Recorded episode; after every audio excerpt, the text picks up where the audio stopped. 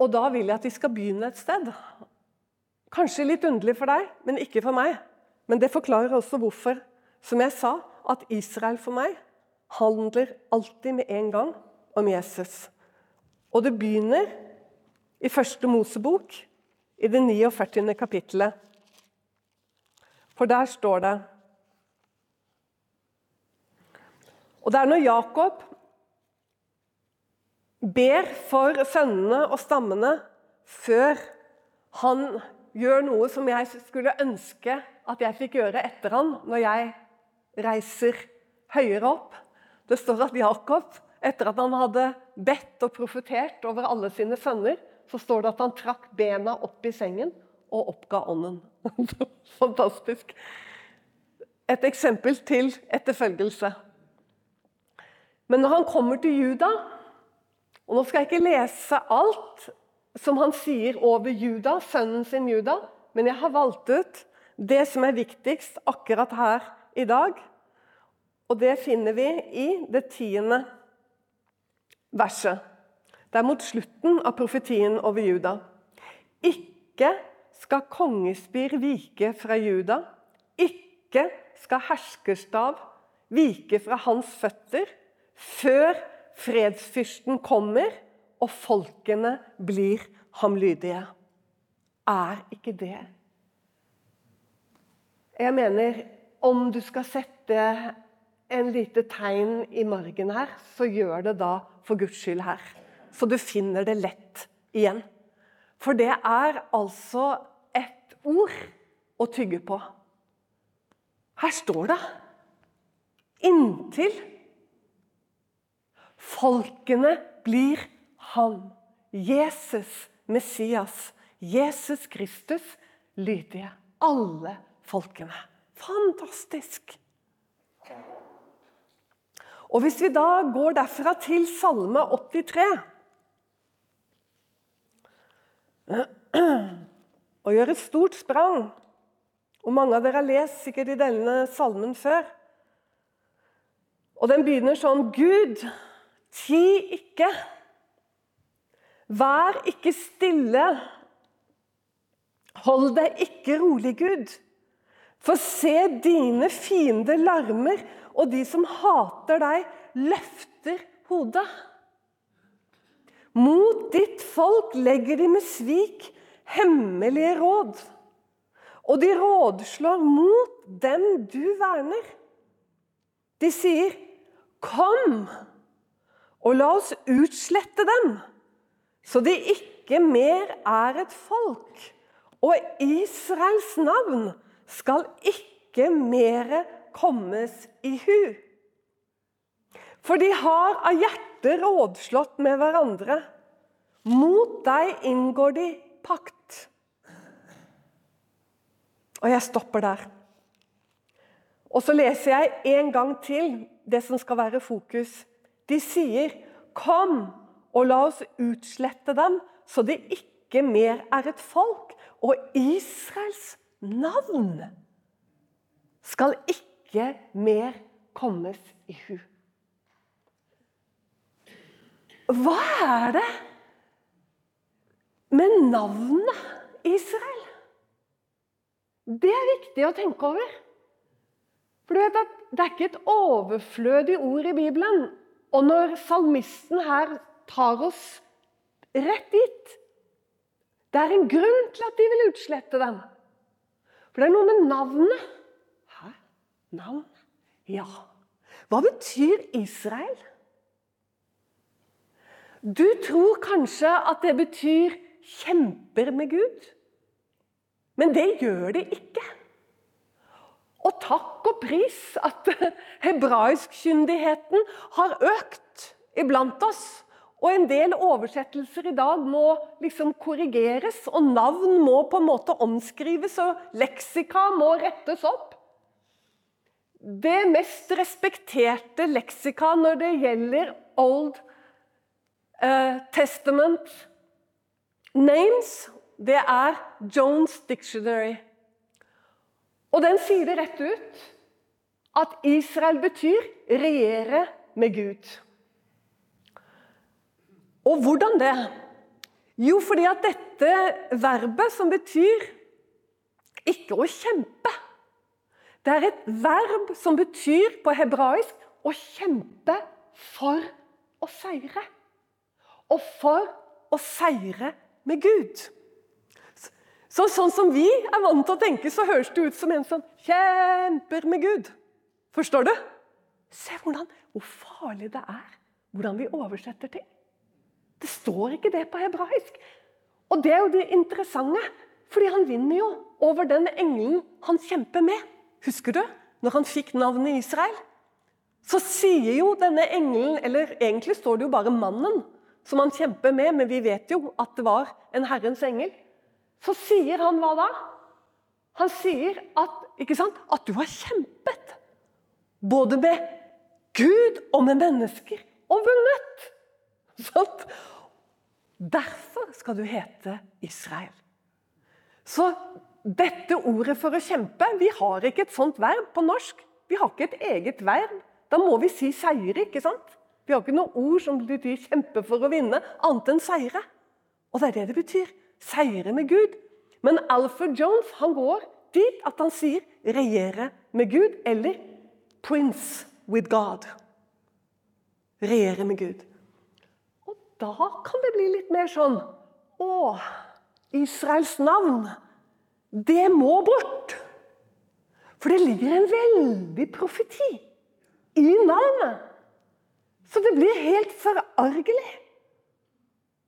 Og det er jo ikke så lenge siden en viss person i verden sto og tordnet og skulle ha Israel bort fra kartet. Det skal vekk. Og tenk hvordan denne salmen som er skrevet for Jeg tror ikke denne er av David. Hvis jeg ikke, helt, ikke tar helt feil, så er den av Asaf, ja. Det er ikke av David. Men den er jo skrevet for ca. 1000 år siden, for Asaf var jo samtidig med David.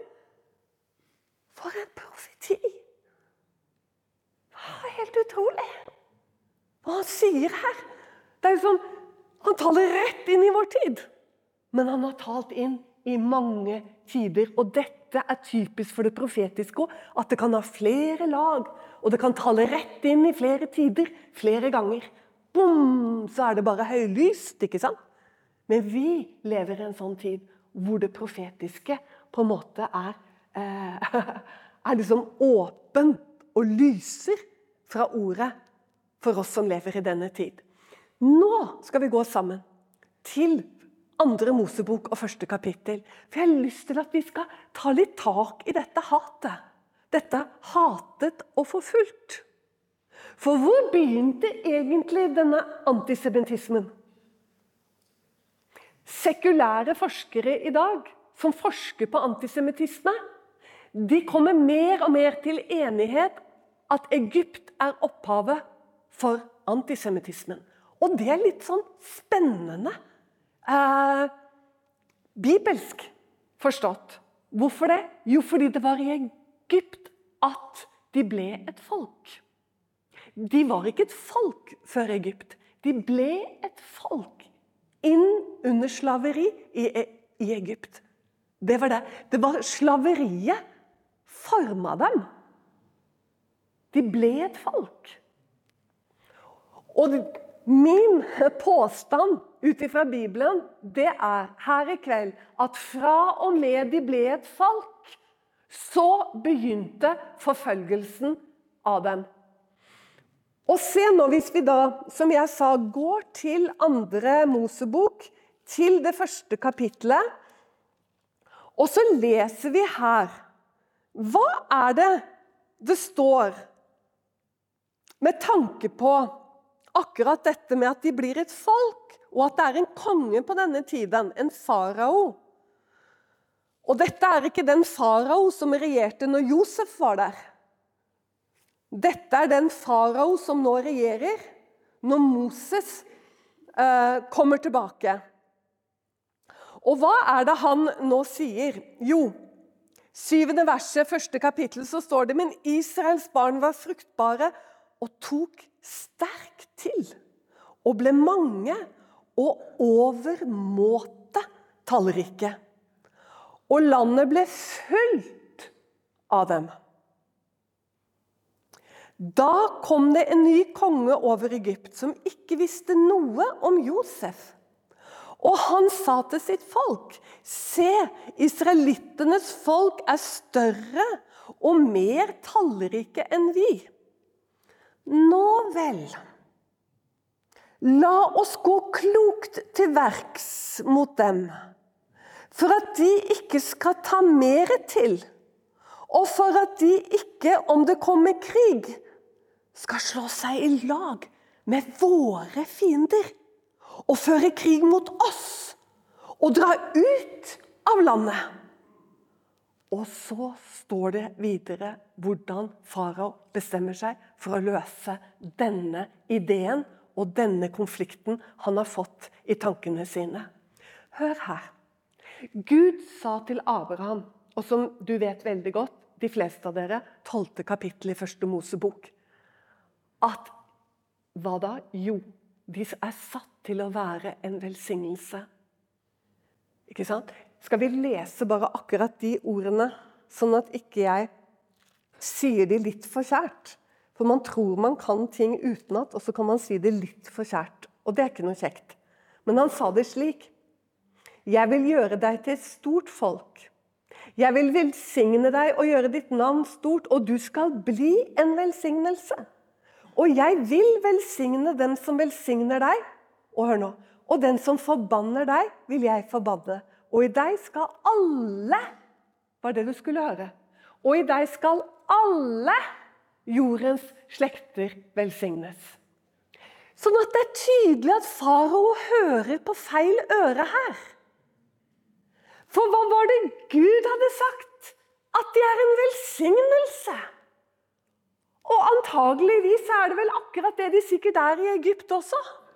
En utrolig velsignelse for Egypt. Og det er jo nok av ting som tyder på det i egyptisk historie. Men så hører altså farao på feil øre denne dagen. Han hører det motsatte. De er en forbannelse. De kommer til å ødelegge din nasjon. De kommer til å ødelegge ditt folk og ditt land.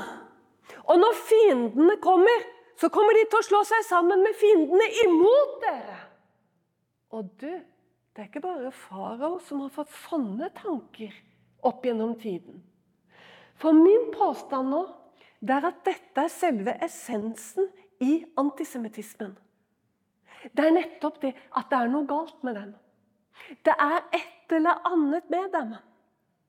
Se hvordan eh, de ulike folkeslagene har blitt overbevist at de måtte gjøre noe med dem. Om det var tyskerne på 1200-tallet. De fant ut at de måtte merke alle jødene med gule ringer. Og så det var altså ikke Hitler sin idé å, å merke de med gule merker. Nei, det begynte tyskerne med allerede på 1200-tallet. Å merke jødene. Fordi at eh, det var viktig at ikke de blandet seg med kristent blod. Eller om eh, vi gikk 200 år tilbake da, til korsfaretiden. Så, så, så var korsfarerne så overbevist om at jødene var et kjempeproblem, så før de i det hele tatt hadde nådd Jerusalem, så slaktet de jo ned jødiske landsbyer i, i, i Europa for fote. Jeg vet ikke hvor mange landsbyer i Frankrike som gikk med. Jødiske landsbyer. Eller hva med Spania på 1400-tallet og kong Ferdinand? På slutten av 1400-tallet så bestemte han seg for at Spania måtte kvitte seg med alle jødene. De må ut av landet vårt. Men stakkars, det spanske lederskap sto jo i gjeld til dem. Og da var det jo lurt å gjøre seg av med dem og konfiskere alt de eide og hadde, og gi dem bare et par døgn på å komme seg ut av Spania. Enten så ble de brent levende på bålet, eller så rømte de over Gibraltar, over til Nord-Afrika. Hvis du lurte på hvorfor det har vært så mange jøder i Nord-Afrika, så er dette svaret. Jødene stormet ut av Spania i hundretusener på hundretusener på hundretusener fordi Ferdinand, kong Ferdinand hadde fått det for seg at han måtte gjøre noe med jødene. At de ødela Spania. Det nytter jo ikke å konvertere dem, for de holder sabbaten i skjul. Eller på 1600-tallet. Jeg tar en liten lekse her nå. I Russland. Eller før vi går til Russland. Ukraina og Polen på 1600-tallet, når de kom i krig, så var det jødene som fikk unngå. Det var de som, måtte, det var de som fikk unngjelde. Visste du at under den krigen på 1600-tallet mellom Polen og Ukraina så døde en halv million jøder? Ble slaktet ned. Kvinner og barn. Alt som kunne krype og gå. Og som om ikke det var nok, da, så må vi jo ta med Russland òg. Og det er spesielt fra 1880 og utover. De 40 årene mellom 1880 og 1920 så var det så ille i Vest-Russland og i alle disse små morsjavene, religiøse små russiske landsbyene. Som eh, Spellemann på taket, hvis du har sett det, er jo fra denne perioden.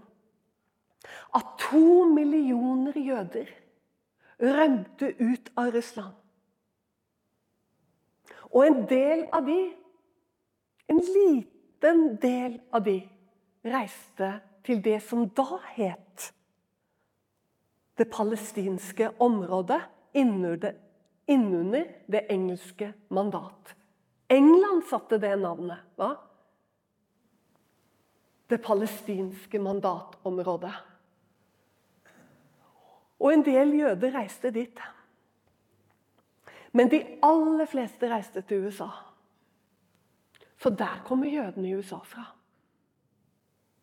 Så de kanskje 1,8 millionene da, som rømte til USA Jeg vet ikke akkurat tallet. Noe sånt. Kanskje 1,9 millioner? Kanskje mindre, kanskje Jeg vet ikke. Jeg har ikke akkurat tallet. Men de er i dag blitt til fem millioner. Og de aller fleste har sitt opphav i Russland. Og det er hat og forfølgelse. Hat og forfølgelse. Hele historien er hat og forfølgelse.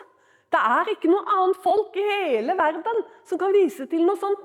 Og det handler om Jesus Kristus. Det handler om han som sa når de behandler det grønne grenen slik, det friske treet slik, hva skal de da gjøre med det tørre? Jesus gråt ut når de gikk ved siden av han, jødene, og gråt over han når han bar korset sitt til Golgata. Så sa Jesus, når de gjør sånn med det grønne grenen, hvordan skal det da gå med den tørre? Og vi vet hvordan det gikk med den tørre. De har forfulgt dem. Det står i Bibelen at 'jeg var litt vred', sa Herren, men dere la til. Kjære Gud, det kommer et oppgjør for jødenes sak over denne verden. Og Joels bok avslutter på den måten. Les det før du legger deg i kveld. Så sier profeten Joel. Og jeg skal hevne de som jeg enda ikke har hevnet. Og så står det Og Herren bor på Sion. Wow! For en slutt! Så egentlig burde vi tatt med Salme 2 også hvor det advares, og den må være av David. I hvert fall står det i Nytestamentet at han er forfatteren for den. Selv om det ikke står i selve salmen. Der står det 'kyss sønnen'. Utrolig! David som hadde åpenbaring om Guds sønn. Sønnen ble ikke åpenbart for de troende i Det nye testamentet. Sønnen ble allerede åpenbart i Det gamle testamentet. Kyss sønnen! For at ikke han skal bli vred. Han som kommer igjen for å dømme levende og døde.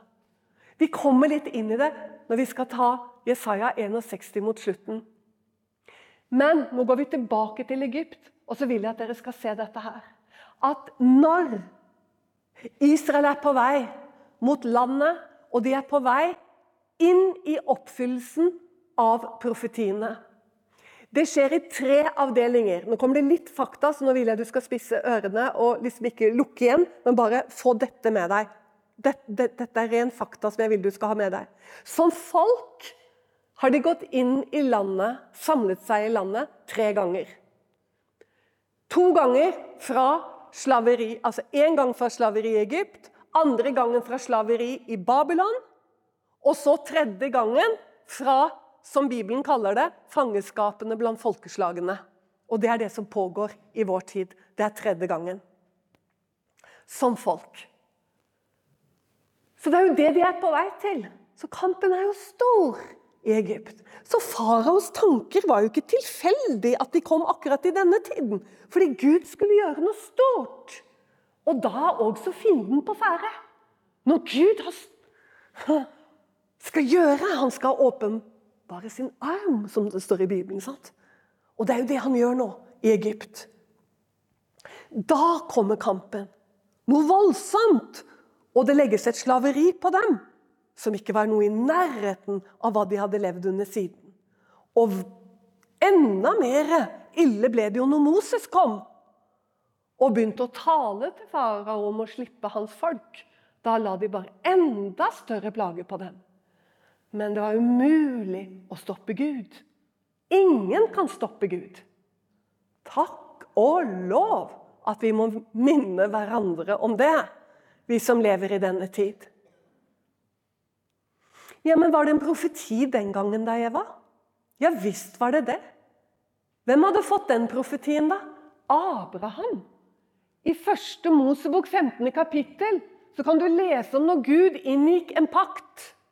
Da sov Abraham. Han hadde ikke så mye som en liten finger med i denne pakten. Det var utelukkende Gud alene som gjorde en pakt, og det skal de være glad for. For hadde den lignet på Sinai, så hadde det vært verre. Men Gud gjorde det helt alene, liksom han gjorde det helt alene på korset når Jesus hang der. Det var ingen som hadde noe som helst med den pakten å gjøre. Det var Gud alene, og derfor er det heller ingen av oss som kan bryte den pakten. Det kan bare han gjøre. Der kan du lese at Gud sa til Abraham, når han inngir pakt med ham så plutselig kommer det stort mørke over Abraham. Og frykt. Og så taler Gud, og så sier han at det folket sant, som du skal få, Abraham, det kommer til å ende hos et annet folk. Så ikke at det er Egypten så at det kommer inn under et annet folk. Og de skal slave under dem i 400 år. Men så, sier Gud, skal jeg dømme det folket.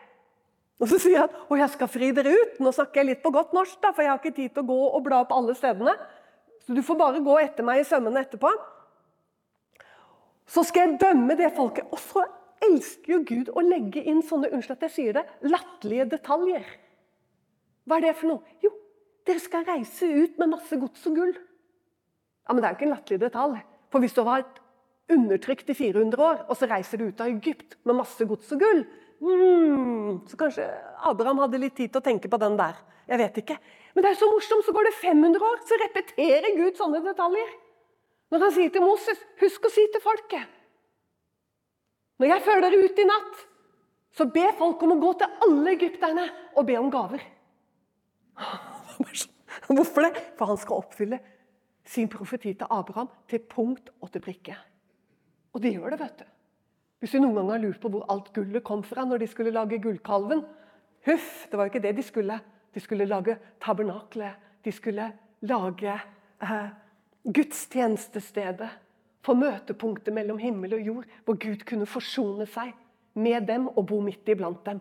Det var det de trengte gullet til. Og han går ikke glipp av detaljene, vår Herre og Mester. Er det ikke litt fantastisk da, dere? Så la oss nå ta et kjempesteg i historien. Og så skal vi gå til neste sted hvor profetiene ligger sånn mm, sant, like før de pakker seg opp. Og hvor er det? Det er Babylon. Og Da begynner det å skje helt utrolige ting. For nå vet vi at eh, Dere vet at eh, kong Kyros han ga dem tillatelse. Du må lese Esra første kapittel. Noter det før du sovner i kveld. For det er så fantastisk hvordan Gud kan legge tanker inn i oss det kan også den onde. Men uh, Gud kan legge virkelig de gode, sanne tankene fra sitt ord. Les hva som står i Esra. Der står det at kong Kyros i det første år av sin regjeringstid så får han slike tanker i sitt hode. Og hva er det for noe? Jo, jeg syns at tempelet i Jerusalem burde bli bygget opp igjen. Det er helt fantastisk. Du må lese det. Og vi vet at dette resulterte i at han slapp folkene ut av Babylon. Ikke bare jødene, men alle som er slaver. Kong Kyros han har jo blitt den store menneskerettighetsforkjemperen. Så han til og med har et skriv av han hengende utenfor FN-bygget. Kopi, da. Utenfor FN-bygningen i New York. Kong Kyros. Og der, der, der, har han skrevet hvordan Gud, skaperens Gud over himmel og jord, kalte han til å befri folkene i Babylon. Fantastisk. Vi kan ikke gå mer inn i det. Men tenk på det, da. Så reiser de ut. Jeg tror det er litt over 40 000 som reiser i første pulje. Første pulje reiser det ca. i overkant av 40 000. Men hva er det som skjer da når de kommer til Jerusalem og det har gått noen år? Hva skjer da? Bli med meg til Esra, til fjerde kapittel. Se hva som begynner å skje, for det bor også andre folkeslag. Det er alltid både andre folkeslag rundt omkring Jerusalem. Og hør hva de begynner å si, for nå har jødene kommet tilbake og begynt å bygge opp igjen. Og hva sier de da? Jo, de sier Hm, dette her liker de ikke. Og så skriver de brev til kongen av Persia. De skriver brev til den persiske kongen.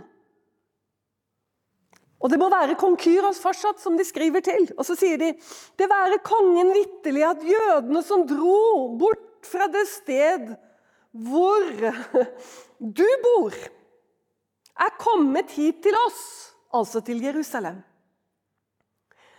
Og nå holder de på å bygge opp igjen den opprørske og onde by. Og de holder på å fullføre murene og utbedre grunnvollene. Er ikke dette positivt, da? Nei. Den opprørske og onde by. Og så sier han men nå Dette er litt gammel oversettelse, da, så du får bare holde ut med meg. Men nå være det kongen vitterlig at dersom denne by blir bygget opp igjen og murene fullført, så vil de, vil de altså jødene, de vil ikke hva da? De vil ikke gi skatt eller toll eller veipenger. Og det vil til sist bli til skade for kongen selv. Og Så hopper vi litt ned, og så fortsetter de, og så skriver de Se derfor til at denne by, som har vært en opprørsby, som har voldt skade for konger og land, og at de har gjort opprør der fra gammel tid. Derfor har også denne by blitt ødelagt. Så lar vi nå kongen vite at dersom denne by blir bygget opp igjen og murene fullført, så vil følgen derav bli at du ikke mer vil ha noen del igjen av ditt land på den andre siden av elven.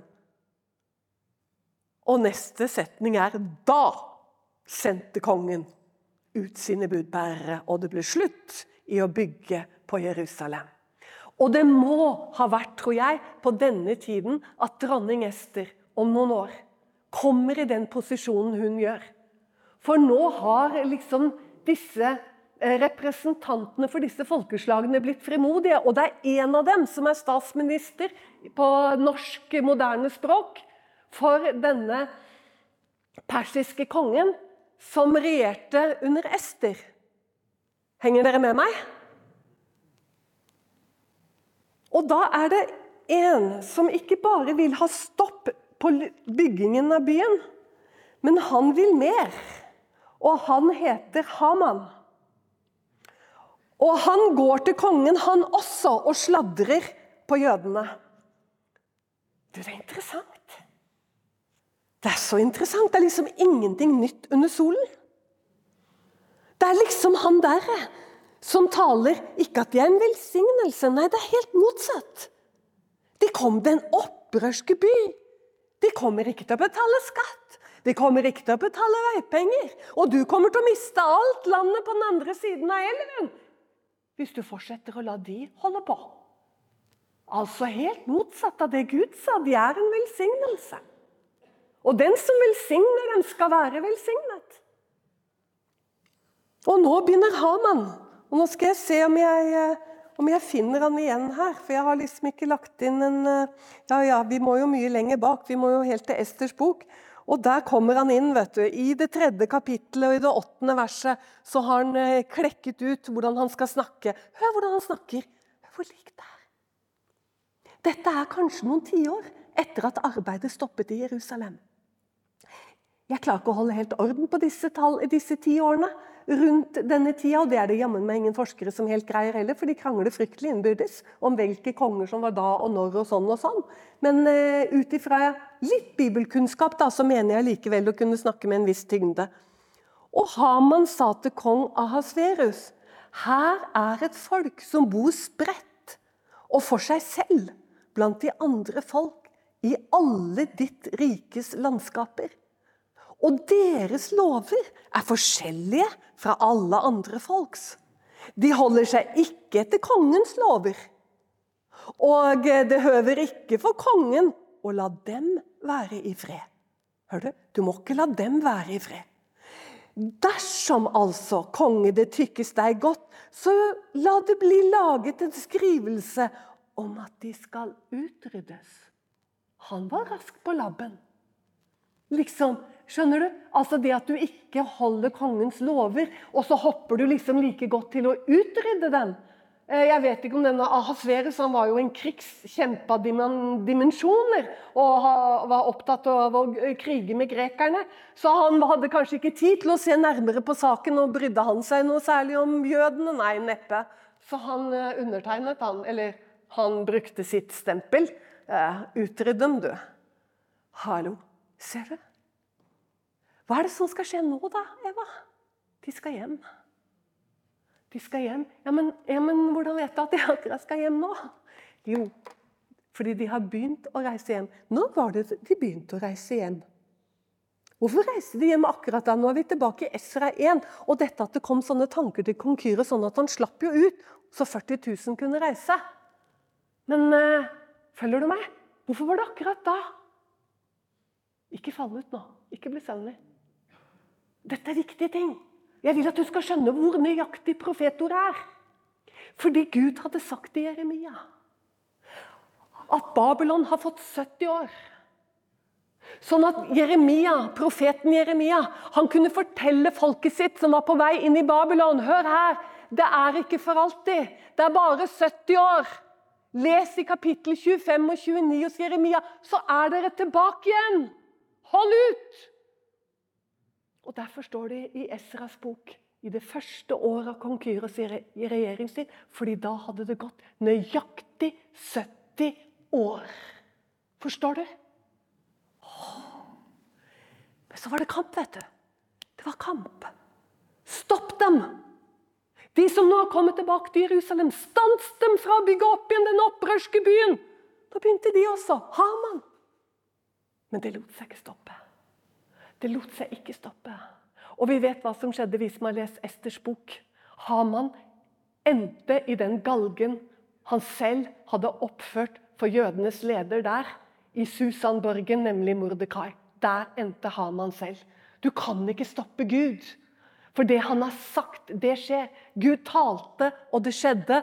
Han bød, og det sto der. Vi kan godt forpurre han, vi kan godt lage noe omvei, men det er uansett umulig å kjempe mot Gud. Han vinner. Og han vant i Babylon også. Og du Denne kongen, som var Esters ektemann, han bestemmer til slutt at de kan alle sånne fordreis og bygg. Og, og du må lese, det er fantastisk! Litteratur. Og da er det at det bryter ut vekkelse i Jerusalem med Esra. Husker dere Esra? Lovlæreren. Han er den store forkynneren. vet du. Da kommer det vekkelse. Les før du sovner i kveld dette også. Noter Nehemia 8. Det, da bryter vekkelsen ut i Jerusalem med Esra. Fantastisk. Du kan ikke stoppe han. I stedet for at alle skulle utryddes, så ble det vekkelse iblant dem. Og det fikk lov til å koste på med nye puljer med Nehemia. Fantastisk. Og nå da, Eva, skal vi stoppe nå? Nei, vi må ha med også den tredje puljen. da. Og så må vi se. Det er ikke like Det er liksom ikke For da, Nå har vi jo ikke Bibelen med oss inn i den tiden, da, for det er jo vår tid. Og den begynte jo sånn fra midten av 1800-tallet. Så begynte jødene i Jemen plutselig De skulle hjem. Hvorfor skulle jødene i Jemen hjem da? Fordi de leste profetordet. For Messias kommer. Og nå er den her. Vi må hjem. Ja, Men hvordan skulle de klare å komme seg fra Jemen til Israel på den tida, da? Jo, for du skjønner det at nå Fantastisk. Nå hadde det ottomanske riket tatt hele Jemen, hele området. For før det ottomanske riket da var det umulig for jøder å reise ut av Jemen. De hadde reiseforbud. De kunne ikke dra noe sted. Men så kommer ottomanerne og overtar hele Jemen. Og da ble det fri passasje for alle borgere å reise innenfor hele det ottomanske riket. Og de hadde jo jammen meg tatt hele Israel-området også. Så nå kunne de reise igjen. Gud ordner med historien og politikken og kong Kyrios og skaper tanker både her og der. Han, Det er ikke noe nytt, det. Og nå gjorde han det med ottomanerne også. Og ikke nok med det, men han fikk ordna med Suezkanalen også. Så den ble åpnet. For du vet at Det er ganske langt å gå fra Jemen til Israel til fots. og ganske farlig sikkert. Men nå kunne de reise sjøveien til Israel. Og det var akkurat det de første jemenittiske jødene gjorde, som slo seg til i Jerusalem. Og så, hvem kom etter? Jo, så kom de fra Russland. Disse som var jaget ut, var pga. all volden og overgrepene, massevoldtektene, drapene, nedslaktingen og ødeleggelsen av alle landsbyene deres. Så kom de i titusentall ned til det palestinske mandatområdet som var under England. Og hva skjer? Jo, nå begynner folkeslagene i området å skrive brev til mandatmyndighetene i England og i Frankrike. Stopp dem! Stans dem! Vet du hva? Det er nesten som du kan legge blåkopi på brevene deres, som ble sendt fra sultaner både her og der. Skjønner du? Og tilbake til Babylon. Og hvordan de skrev på den tida, og hvordan de løy om dem. Stopp dem for enhver pris. Og de fikk stoppet dem. Det blir reiseforbud. Jeg husker ikke akkurat når det slo til. Er det, vi er vel ut mot slutten av 30-tallet. Så kommer reise, innreiseforbudet. Jødene sitter fast i Europa. Kommer ingen vei. Kjære Gud, ingen ville ha dem. Ulike personer som har fått sitt hva skal du si, sitt minnesmerke i Yad Vashem i Jerusalem. Hastet rundt, bl.a. sønnen til eh, Fridtjof Nansen, Odd Nansen. Hastet rundt, skrev brev, ringte, gjorde hva han kunne mot den norske regjeringen om å ta jøder til Norge. Nei, nei og atter nei. Det folket vil vi ikke ha. Les Aftenposten fra 1930-årene, hvordan de skriver om jødene. Det er jo som å lese sant, eh, brevene som ble sendt til kongen eh, tilbake til Babylon. Det er ganske likt. Dette opprørske folket. Du vet aldri hvor du har dem. Det blir problemer overalt hvor de kommer. Nei, nei og atter nei. Kjære Gud. Nå kommer de, dere. For et frå! Hvis det var slik at for å gi de landet tilbake nå i moderne tid, kostet dem holocaust La oss bare håpe at ikke noe lignende skal skje nå, i forkant av at han, hovedpersonen, kommer selv. For større enn at de fikk landet, men avhengig av at de fikk landet først. For de skal være der, og de skal rope 'Velsignet være Han som kommer i Herrens navn'. Måtte det bare ikke Gud tillate at det blir en så høy pris igjen. Jeg tror ikke det. Jeg tror det er en annen som står innenfor høye priser, og det heter hedningefolkene. Selv om det også kommer til å bli stor smerte og tap også for jødefolket før han står på Oljeberget. Men la oss ta noen av de gode løftene dere til avslutning her. Hva vi har i vente. Og da vil jeg at du skal se liksom jobb, som ble velsignet dobbelt opp. Har du sett det på slutten av Jobbs bok? Han fikk jo Det er jo rene eventyret. Det er jo derfor ingen tror at Jobb har levd. ikke sant? For det var så eventyraktig alt sammen. Men hvis du begynner sånn, så er det mye som er eventyraktig i Bibelen. Men han fikk jo ikke sant, dobbelt opp. og han fikk jo sønner og døtre tilbake, og hans døtre var det ikke lignende i hele verden, så vakre som de var. ikke sant?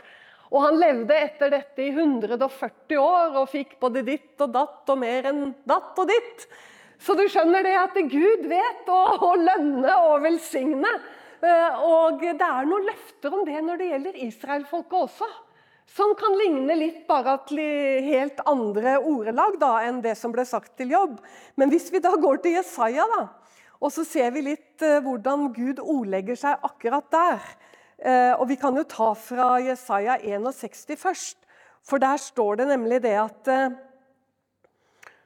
at når Jesus kommer igjen Det er veldig spennende, denne profetien fra synagogen i Nasaret, som er Jesaja 61.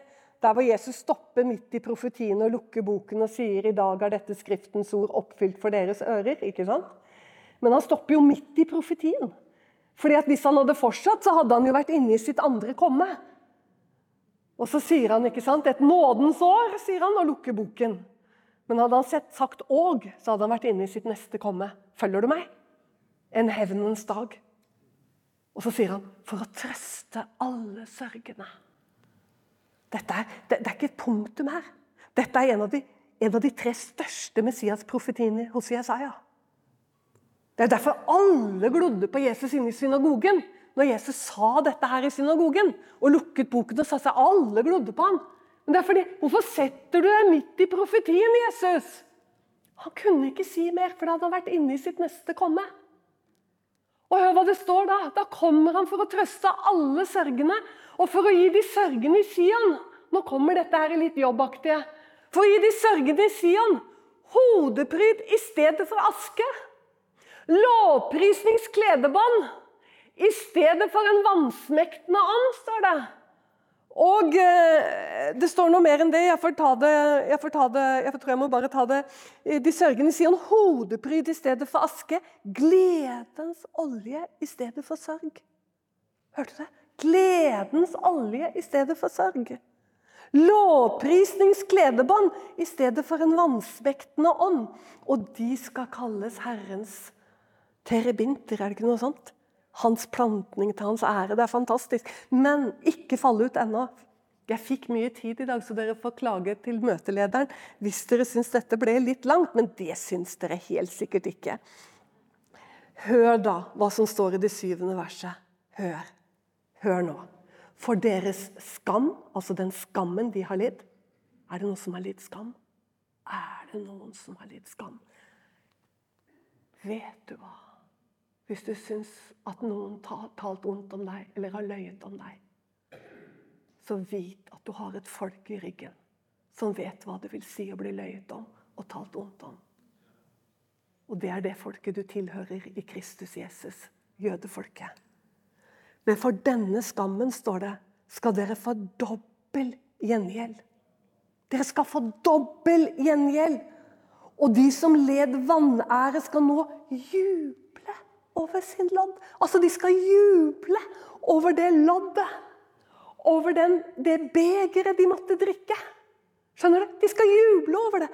Fordi at velsignelsen blir så enorm.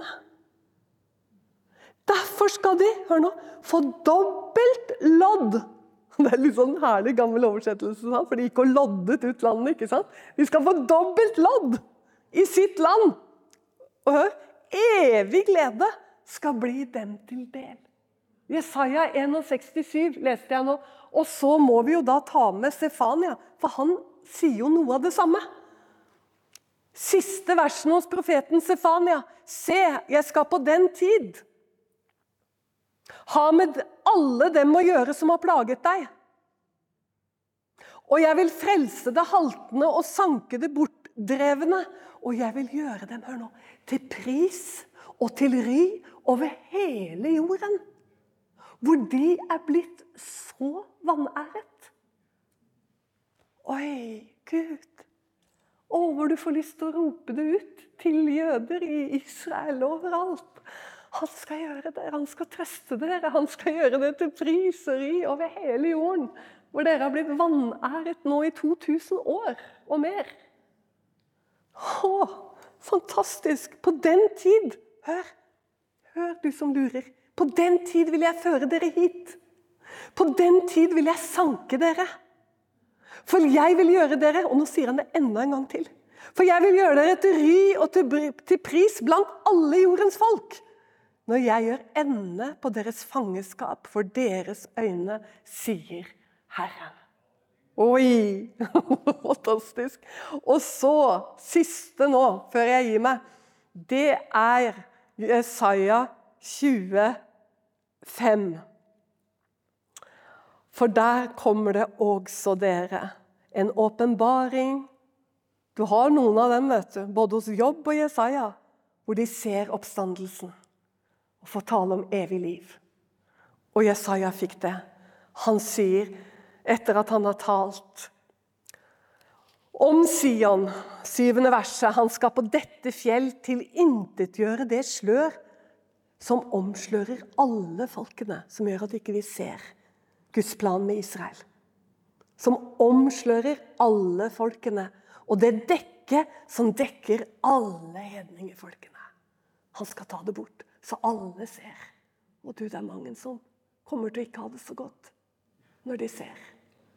Og la de få se Gud før. La de få se Gud før. Så står det han skal oppsluke døden for evig. Og Herren Israels Gud skal tørke gråten av alle ansikter. Og sitt folks vanære skal han ta bort fra hele jorden. Oi, jeg kjenner jeg fikk gåsehud. Det er fantastisk. For Herren har talt. Amen. La oss be. Herre Jesus, vi takker deg vi priser deg, Herre. Kanskje vi skal reise oss opp. Det er alltid bedre å stå når vi, når, når vi ber. Og Hvis noen vil be etter meg, så er det sikkert greit for møtelederen. jeg tror det. Men jeg vil bare be om at de ord som er talt, som er dine ord, Herre, ikke mine ord men de som